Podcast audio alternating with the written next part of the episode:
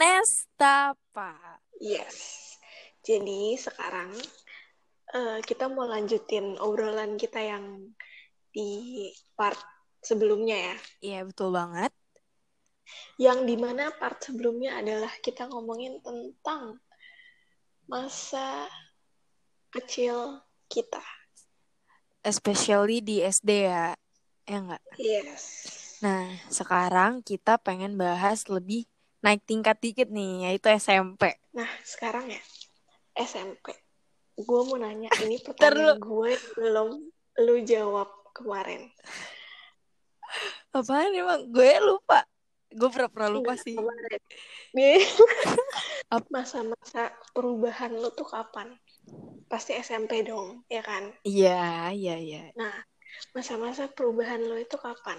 Dan kenapa lu ngerasa lu harus berubah saat itu? Oke, gue bakal jawab ini ya. Jadi guys, pas gue SMP itu pertama kali gue kelas berapa ya? Kalau awal-awal kelas satu itu gue masih yang kayak childish lah kita semua masih childish di mana kita kayak masih Iya, kita masih kayak bocah lah yang kayak main lari-larian segala macam. Nah, setelah itu kelas 7 SMP tuh gue banget semester 1. Nah, naik semester 2 itu gue udah mulai awal pertama kali puber tuh menstruasi. Hmm. Waktu itu lo kapan? Gue kelas 2 juga. Gue kelas 2 juga. Oh, kelas 2 juga. Oke. Okay. Nah, gue kelas 2 juga tuh, tapi gue yang semester 2 kan. Eh, enggak, gue kelas 7 semester 2. Gue inget banget. Iya. Uh, air-air gitulah, air-air kita mau masuk kelas 8.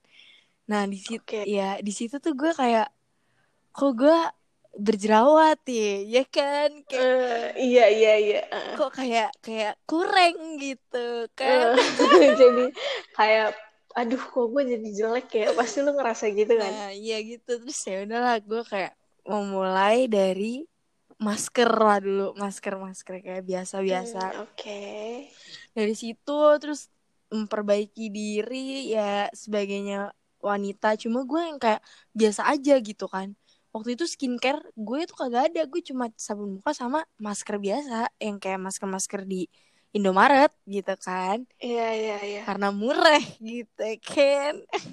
Eh, aduh kenapa jadi alay sih lo ya maaf, maaf. Ya udah terus habis itu beranjaklah ke kelas 8 oh my god. Aduh gue kenapa tuh di kelas 8 gue malas anjing nggak ceritain kelas 8 lo tetap harus ceritain tentang sisi kewanitaan dong. Oh ya sebagai sisi kewanitaan ya wajar lah ya kalau kita ketemu seseorang asik. Yang kayak iya. tiba-tiba cinta.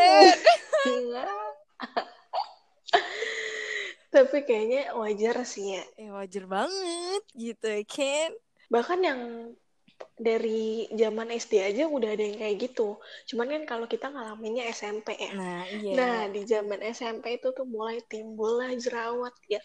Kayak urusan-urusan wanita pada lainnya pada umumnya gitu kan. Uh, bener banget.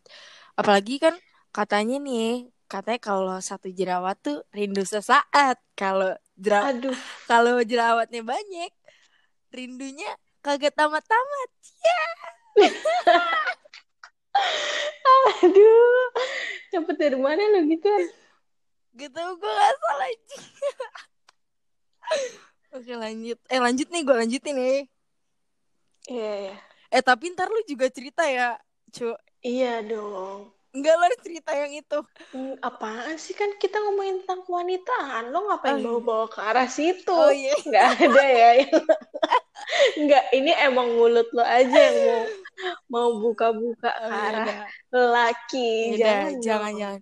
Pokoknya intinya intinya ketika kita sudah merasakan benih-benih itu barulah mulai tanda aduh kayaknya gue harus lebih cakep nih di depan dia kan kayak gitu kan normal yeah. gitu kan biasanya kayak gitu cuma uh, perbedaannya itu antar cewek-cewek kan cara mengungkapkan atau cara mengekspresikan diri kan beda-beda kalau gue waktu itu SMP masih tetap tomboy gue inget banget gue zamannya kelas 8 tuh senengnya banget sama band lu tahu kan gue suka banget drum gue kayak yeah. apa kahun gue mainin pas kita uh -uh. lomba vokal grup dan itu yang kayak menurut gue yang kayak kalau gue inget sekarang ya itu gue bener-bener kayak tomboy banget sih. Udah gitu kita inget gak sih lo kita yang kayak sering banget tuh pakai kemeja dan itu kita kancing sampai atas gitu kan. Iya. Aduh hmm. gile culun ya. Cul sosok tapi emang iya tapi emang itu keren pada zamannya. Mm. apalagi? Ya itu walaupun sisi-sisi gelap tomboy di SD masih ke bawah di SMP cuma itu semakin lama semakin pudar menurut gue karena ya itu tadi hmm. yang gue bilang kan kita juga jadi tahu gaya terus kita tuh suka apa pas SMP tuh kelas 8 udah mainnya ke mall ya kan nah yeah. dari situlah mulai yang tadinya pakai kaos jadi pakai yang lebih feminim ya yang gitu deh betul tapi ya rata-rata emang SMP ya sih harusnya? Iya rata-rata eh, enggak juga sih ya setiap orang juga beda-beda sih ya. Maksudnya kalau dari masa-masa apa pengalaman-pengalaman dari kecil banget dan naik tingkat lebih dewasa itu pertama kali SMP lah rata-rata. Iya sih. Nah, di SMP juga itu, lu udah mulai kepikiran kan kalau lu harus ngembangin bakat lu. Mm -mm, bener. Iya kan? Mulai di situ lu mulai suka main drum, mulai main basket gitu kan. Iya, aduh. Iya kan? Kangen itu banget tuh gue. Gue gue juga semua tuh mulainya dari SMP. Mulai gue tekunin banget tuh gue di, di SMP. Sampai kayak kita tuh pasti mikir, ah gue kalau misalnya jago main ini pasti gue keren nih ntar gue bisa dilihat orang-orang jadi keren gitu kan jadi kayak caper-caper lah ke cowok. Wajar gak sih kayak gitu? Wajar banget wajar banget sumpah. Karena ya itu tadi gak sih? Dan menurut gue ya zaman zaman pak zaman zamannya kita pas SMP itu teman-teman kita juga yang kayak apa ya talentnya tuh bener-bener banyak. Itu teman-teman mm -hmm. deket kita ya teman-teman deket kita kayak iya, iya. rata-rata tuh musik banget olahraga banget. Jadi kita kayak pertemanannya sehat cuy. Jadi makin berkembang sehat. gitu kan? Iya lingkungannya juga mendukung. Mm -mm, bener banget. Kalau lu sendiri? Dan eh bentar dulu gue belum nanya. Lu kan tadi udah okay. nanya. Kan nih netizen juga pada penasaran gitu kan nah lu gimana nih cu? Kalau lu sendiri gimana ketika lu mengalami perubahan SD ke SMP tuh pertama kali apa? Perubahan apa? Aduh, kalau SD, kalau SD kan gue masih pikiran gue masih main-main ya. Hmm. Sebenarnya dari SD tuh gue udah, udah mulai mikir tuh, cowok. Gue suka nih. Gue kan suka main basket ya emang. Nah, dari SD itu gue udah main sebenarnya eh, dari kelas 3 kita tuh dari SD gue inget banget SD tuh kita udah lomba di SMA iya SMA PIT terus nah itu emang sebenarnya dari SD cuman itu tuh gue nggak sadar kalau emang itu tuh bakat gue ngerti gak uh -uh. jadi gue main ya sekedar yang gue lihat di TV yang gue lihat kakak gue main gue praktekin dalam permainan gue gitu kan Nah, itu gue masih main asal, nggak nggak yang ngikutin banget harus gimana gimana gitu kan. Hmm. Cuman pas udah mulai SMP itu kan udah pergaulannya kan udah beda juga ya. Udah bukan main-main lagi, udah ada yang pacar-pacaran lah, apalah. Jadi kebawa suasana juga, jadi kayak semakin menggebu-gebu gak sih? Iya benar-benar. Iya kan, jadinya ya gue jadi kayak sadar gitu loh gila ternyata emang gue ada bakat di sini ya gue harus asah jadi kita main basket bareng juga kan kita? Bener-bener. Itu Lupa, tapi lu ngerasa gak sih SMP kita tuh terisi banget hari-harinya? Banget gue ngerasa banget. Dan menurut gue ya it means kayak artinya tuh kita apa insting kepekaan kita tuh berkembang gak sih? Lebih berkembang. Iya iya iya iya. Benar-benar makanya kita bisa kayak lu tadi bisa improve your skill about basket gitu kan. Kalau gue tentang band gitu. Mm-hmm. seru gak sih? Kangen banget gue seru seru. Eh gue juga kangen sih. Oke itu SMP ya. Udah mulai. Ya walaupun SMP gue juga tetap masih tomboy. Kan gue nggak jauh beda lah sama lu. Iya. masih sama tetap tomboy. Cuman udah mulai beli sabun cuci muka udah mulai skincare skincare dikit gitu kan. Udah mulai pakai sunblock ke sekolah eh, sunscreen sunblock lagi Iya. aduh ada ayam lah Shit itu ayam. Tuh ayam balik lagi, geng. Gila. Hmm, enggak aduh gue kasih nama Yuni dar mulai hari ini Nah, dia mau ikutan kita podcast. oke sekarang kita lanjut ke masa SMA kali ya Oke, boleh, boleh. sekarang SMA lu apa perubahan enggak sumpah jangan salfok dong ke Yuni ya udah. apa perubahan lu di dari zaman SMP ke zaman SMA yang drastis banget Yang drastis banget menurut drastis banget enggak itu bisa di lingkungannya bisa pertemanannya Iya. bisa pembelajarannya atau main-mainnya Iya, iya. seriusnya gitu Kalau gue ya, dari gue dulu eh dari gue dulu nih perubahan dalam diri gue dulu ya baru ke perubahan lingkungan gue. Ya Allah tuh Yuni berisik banget. enggak dia ini kayaknya Pak Sutri dah soalnya saut-sautan Elah. Udah nih gue lanjutin ya. Kalau perubahan dalam diri gue Anjing kapan gue ngomong anjir udah lu ngomong aja kenapa sih Ya udah udah aduh gue pindah gue pindah kali ya. Gak usah gak usah cu Ayo cu beneran nih. Oke nih kalau perubahan dalam diri gue Yang gue rasain banget nih ya Ketika gue SMA itu Ketika kita milih sekolah SMA tuh emang kan Awalnya udah mulai ambis lah ya Kayak gue mau sekolah SMA di mana Kayak mulai saat itu tuh eh Apa Sense bu- gue buat lanjutin pendidikan tuh tinggi banget. Gue ngerasa kayak cita-cita gue tuh perlu gue kembangin saat itu juga. Karena menurut udah gue mulai iya ya? udah mulai kayak gue ngerasa kayak gue nggak bisa nih hidup kayak gini terus kayak hidup dalam kekanak-kanakan yang tadi yang kita bahas kayak masih main-main kayak gitu kan. Sedangkan Iya. sedangkan gue tuh ah, udah masuk ke tahap high school gitu yang artinya high school ini ya tahap gue yang bakal nentuin gue nanti kuliah di mana gitu. Which is gue Mm-mm. harus milih sekolah yang bagus gitu kan oke mulai dari situ gue yang kayak oke gue ambis. Jadi pas SMA tuh gue udah mulai ambis banget.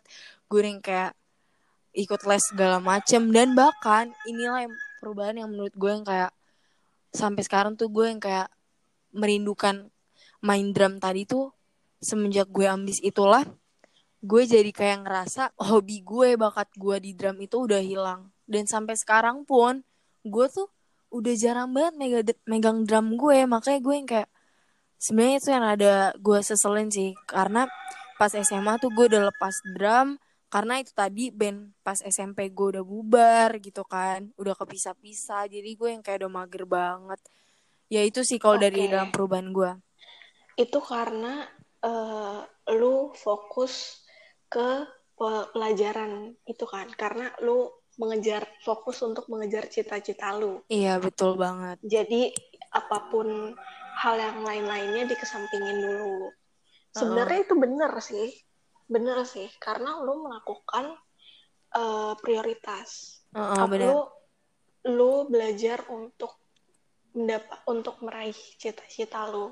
Jadi ya kita kan nggak tahu juga ya kalau misalkan siapa tahu jadi drummer itu bisa jadi Mm-mm. masa depan lu juga tapi kan kita nggak tahu.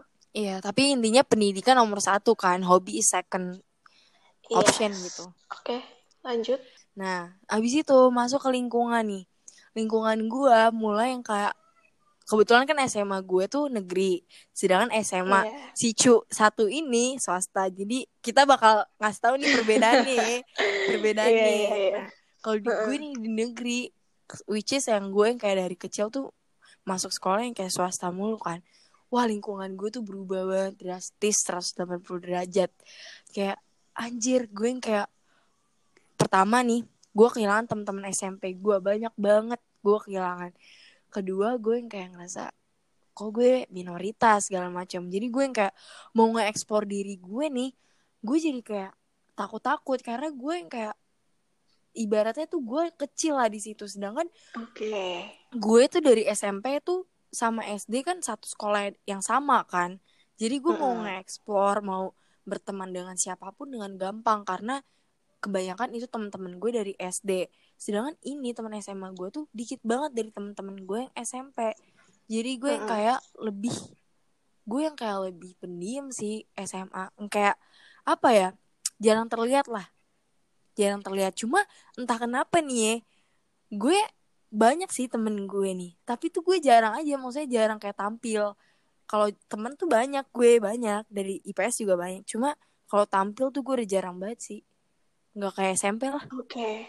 Itu perubahannya karena kan emang SMP lu manggung segala macem kan. iya benar Ya lu SMA nggak udah udah nggak tampil-tampil lagi ya karena emang tujuan lu SMA itu buat ngejar eh, Impian gue. negeri kan. iya benar Iya kan. Mm-mm. Ya it's okay sih nggak apa-apa. Iya, dan gue juga pengen cerita nih pertemanan gue di SMA. Ya lu tau lah ya, lagi-lagi gue bilang banyak banget yang bukan temen SMP gue. Dan itu rata-rata ya, maksud gue yang kayak bukan gue banget lah, karena gue kan basically emang apa sebelumnya kan sering banget nih sekolah di swasta. Jadi gue pikir kayak nyambung-nyambung aja lah gitu kan. Eh ternyata pas gue di SMA ini, gue malah kayak ngerasa kok di negeri ini jauh lebih apa ya menurut gue jauh lebih selektif maksud gue eh, orang si A maunya sama si A si B sama si B nah gue jadi kayak hmm, gimana gitu ya cuma Oke. cuma menurut gue yang gue dapat dari SMA gue itu gue jadi semakin lebih apa ya tahu artinya perbedaan sih kalau menurut gue dan gue di situ yang kayak semakin tahu banyak hal yang sebelumnya gue nggak tahu gitu kan karena Hmm. gue dari kecil tuh sekolah di Katolik gitu kan ya kan jadi gue yang kayak peng- pengetahuan umum gue tuh masih kecil lah sedangkan di SMA tuh gue jadi wah kok jadi banyak nih pengetahuan gue nah itu yang gue senengin sih pas SMA nambah wawasannya. iya benar banget Oke. Apalagi eh, apalagi nih kalau anak SMA lu pasti ngerasain banget kelas 3 SMA. pas kelas 3 SMA itu temen-temen gue eh, lebih ambis lagi karena ya itu ya sekolah negeri gimana ya Iya iya, Iya semua kan? orang semua orang kan berlomba-lomba nah untuk dapetin itu kan. Iya dan menurut gue ya dari tiga tahun SMA gue gue paling suka banget dan paling cinta banget di masa-masa gue kelas 3 SMA karena pas Kenapa? Nih karena pas gue SMA kelas 1 SMA kelas 2 gue tuh masuk ke kelas yang maaf banget maaf, maaf banget nih soalnya sistem di sekolah gue itu tuh kalau nilai lu 40 paralel ke atas lu Oh, lu iya, bakal iya, masuk iya. ke kelas yang anak-anak pinter. Nah itu gue masuk kelas itu selama 2 tahun dan gue ngerasa kayak anjir gue yang kayak ini bukan gue cuy kayak emang Iya, gue iya, iya, iya. emang nih gue suka banget fisika gue suka banget MTK tapi ini bukan ranah gue ini bukan lingkungan gue. Sedangkan cowok-cowoknya tuh yang kayak wibu bau bawang anjing gitu kan. Iya, Enggak, gue gue tahu banget lu pasti ngerasa ngerasa di push gitu kan. Karena Iya. temen-temen lu semuanya tuh belajar belajar belajar sedangkan lu nggak bisa yang kayak gitu kan. Nah iya nah Untungnya nih sekolah gue rada baik Tahun ketiga dicampur lah semuanya. Pas dicampur SMA gue berwarna banget di kelas 3 ini Karena semuanya tuh dicampur anjir. Kayak ya lu yang pinter olahraga doang ya ada. Lu yang pinter MTK doang ada. Pinter gambar doang ada gitu. Jadi gue yang kayak merata. Rata semua dan itu saling ngebantu banget sih buat mata pelajaran apa pun dan itu gue suka banget. Parah. Sekarang gue pengen tanya nih kalau lu gimana nih gitu kan? Perubahan dalam diri lu baru ke lingkungan lo kayak gimana? Kalau diri gue aduh kalau SMA itu udah pasti ya. Udah mulai mengenal makeup udah mulai nonton-nonton Tasya Farasya, Cinderella itu gue udah mulai cari tahu. Hmm. udah mulai-mulai beli makeup, coba belajar-belajar makeup sendiri sampai gue depan kaca itu gue unboxing. iya bener. Aduh kayaknya semua orang pasti. Sih. Tapi gue Ya yakin kan, banget cewek. Ya gue yakin banget pasti cewek-cewek pertama kali nyobain makeup pakai makeup nyokap lu gak sih? Iya gak sih? Iya iya jujur iya. Gue kayak gitu. Sampai dimarahin kok ini makeup mama hilang? Anjir. Lanjut. Oke, lanjut. Kalau gue SMA, ya itu tadi gue udah mengenal mengenal feminim. Lebih dalam lagi. Gue udah nggak setomboy dulu. Bahkan kalau bisa dibilang sekarang gue udah nggak tomboy banget sih kayak kayak gue udah nggak bisa dibilang tomboy sih. Ya karena itu tadi. Dan emang lingkungannya kan juga udah berubah ya. Mm-mm. Kalau misalkan ya namanya cewek pasti jaga penampilan banget gak sih? iya benar lu muka lu jerawatan langsung worry banget aduh gue harus coba apa ya biar jerawatnya hilang yang kayak gitulah normal-normal aja mah SMA gue cuman perubahan lingkungannya dari oh ya eh, sekedar info gue dari TK itu di sekolah swasta gue nggak pernah ngerasain negeri Hmm. yang ya gue ngerasain cuman denger dari cerita si temen gue ini hmm. yang barusan cerita Hmm. kalau di gua sistemnya itu sama cu kayak lu tetap di sesuai ranking. Iya. Cuman kalau di sekolah lu itu kan ranking tapi diurutin kan kayak kok suara gue berubah. Lu kenapa suka gitu sih? Minum dulu minum minum. nggak tahu. Ya udah lanjut. Aduh jangan nih suara gue berapa sih? Enggak makanya lu minum. Siapa tahu di samping lu ada. Nggak deng. Aduh aduh udah lanjut. Pokoknya aduh kan ngomong apa sih tadi gua Eh perubahan lingkungan? Oh ya kalau di lu kan ranking tetap di kelasnya dibuat sesuai ranking tapi itu kan satu dua tiga kan. Heeh. kalau gua tuh ngacak. Misalnya kayak gua kan IPS ya. Misalnya gua IPS 2 nah di IPS 2 tuh misalnya anaknya pinter-pinter semua. IPS 3 sedang IPS 1 Hmm. paling ya gitu kan? Tetap kayak gitu kita nggak diurutin sesuai nomor cuman diurutinnya jadinya dua tiga satu gitu. Oh Ya, iya sama iya iya. aja sih sebenarnya. Ya sama aja kayak gitu. Yang kalau gua itu dari kelas 2 sampai kelas 3 kayak gitu. Mm-mm. dan kalau gua dari kelas 2 ke kelas 3 itu kelasnya sama nggak berubah sama sekali. Gile. jadi ya jadi ya gitu sebenarnya jadi lo deketnya cuman bisa sama itu itu lagi. Sebenarnya enggak ya lo bisa explore ke ke yang lain-lain misalnya. Cuman kan ya namanya SMA semua orang udah nggak udah nggak fokus ke situ lagi nggak sih? Mm-mm. udah pasti mereka mau ngejar impiannya yaitu universitas negeri. Yap. ya ya udah. Jadi kalau di sebenarnya kalau yang gua rasain di swasta itu lebih strict sih peraturannya Mm-mm. bener-bener. Karena kalau yang kalau yang gue lihat ya eh, dari sepenglihatan gue nih di kehidupan lo cu selama SMA Heeh. kayak sekolah lu bebas gitu gak sih? Dispensasi tinggal tulis diizinin keluar gitu kan? Iya dan gak cuma sekolah gua rata-rata tuh negeri negeri emang kayak gitu kan? Iya negeri kayak gitu. Dan guru-guru juga yang kayak ya udah lu kalau mau belajar ya belajar kalau lu nggak mau ya nggak mau Nah, kalau swasta, kalau sekolah gue ini susah banget buat keluar kelas. Atau enggak, maksudnya susah banget buat izin. Mm-mm. Bukan izin kayak izin sakit gitu, enggak. Misalnya lo dateng, terus siang lo mau ada apa, terus lo harus pulang gitu, susah banget izinnya. Hmm. Harus minta tanda tangan bruder. Kepala sekolah gue bruder kan. Minta tanda tangan ini itu ini itu bolak-balik sana sini. Emang agak repot sih bahkan sampai lomba pun itu diizini di peluang diizininnya itu lumayan kecil. Hmm. Eh, pengalaman yang gue lihat itu band temen gue sendiri. Lu tau lah cuy siapa? Bandnya siapa yang masih ada sampai SMA Iya. bahkan sampai sekarang iya teman kita sebuah band ya temen sebuah band Iya. SM jadi gini guys sekedar info kalau si temen gua ini si cu kedua ini dia itu masuk ke sekolah yang rata-rata teman-teman SMP kita juga masuk karena itu sekolah Iya. Katolik juga ya kan lanjut Hmm. Jadi ya emang gue ngerasa lebih nyaman ya kalau lu kan emang lu merasa minoritas kan. Nah justru gue kebalikannya, gue merasa di situ tuh mayoritas kayak ah nyaman lah ya masih seru. Iya nyaman. Ini masih seru kok masih temen-temen gue yang dulu. Gue nggak perlu kenal orang-orang yang lebih dalam lagi. Ternyata gue salah. Maksudnya se- kalau lu explore yang lain-lain lagi tuh sebenarnya banyak banget cerita yang bisa lo dapetin. Yang kayak cerita-cerita baru yang lo nggak pernah denger sebelumnya. Hmm. dan beberapa kali tuh sempat speechless gitu kayak orang-orang pernah inilah pernah itulah.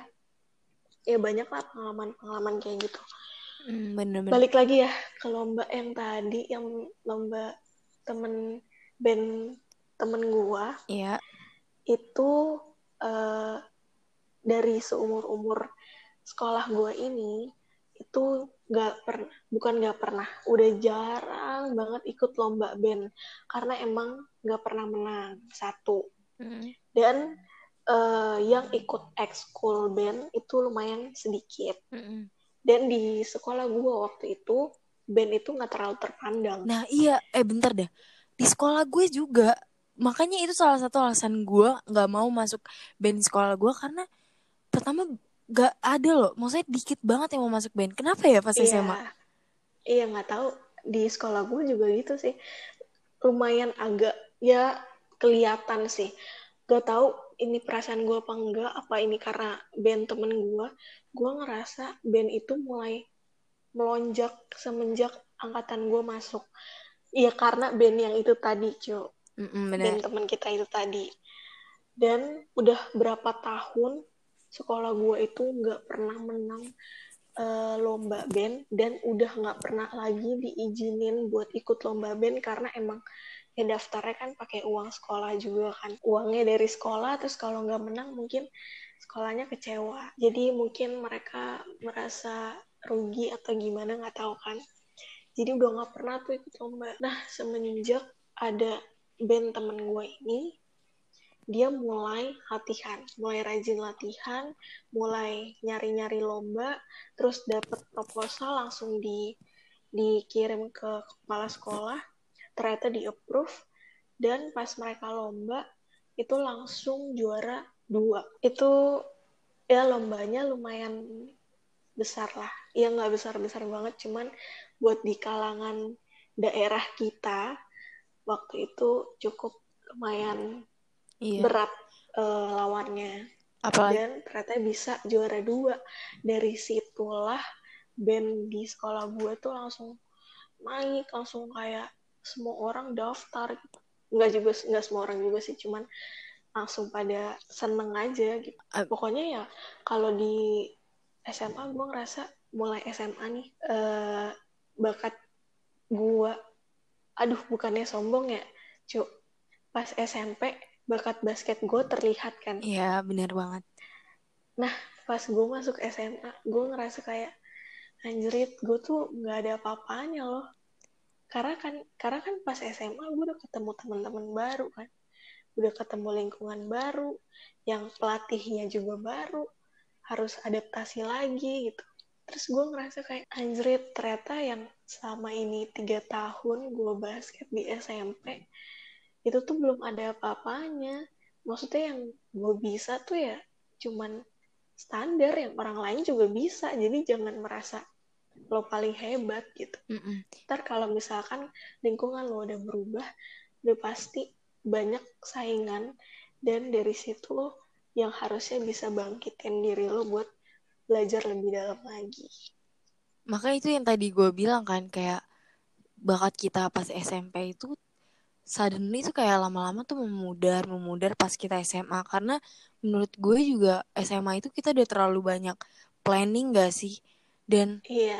dan masa-masa SMA kita tuh menurut gue masa-masa yang lebih kompleks lagi. Jadi untuk ke arah yang bercanda ke arah untuk yang kayak hobi itu tuh seakan-akan kayak dilupain gitu aja. Tapi emang iya sih benar kalau SMA Kenapa tuh SMA? Gue udah jujur gue udah nggak tahu lagi nih mau ngomong apa. Pokoknya kalau Kayak udah kepanjangan lah. pokoknya pokoknya tuh kalau SMA intinya jauh lebih kompleks lagi masalah hidup kita. Jadi kita juga menurut gue ya dari gue Mm-mm. sendiri pun gue ngerasa pas SMA itu gue jauh lebih apa ya dewasa lah daripada pas kita Iya. SMP SD itu udah jelas ya. Karena karena pemikiran lu udah mulai ke masa depan kan. Iya itu Udah satu. bukan udah bukan lo mikirin buat hari ini dan besok.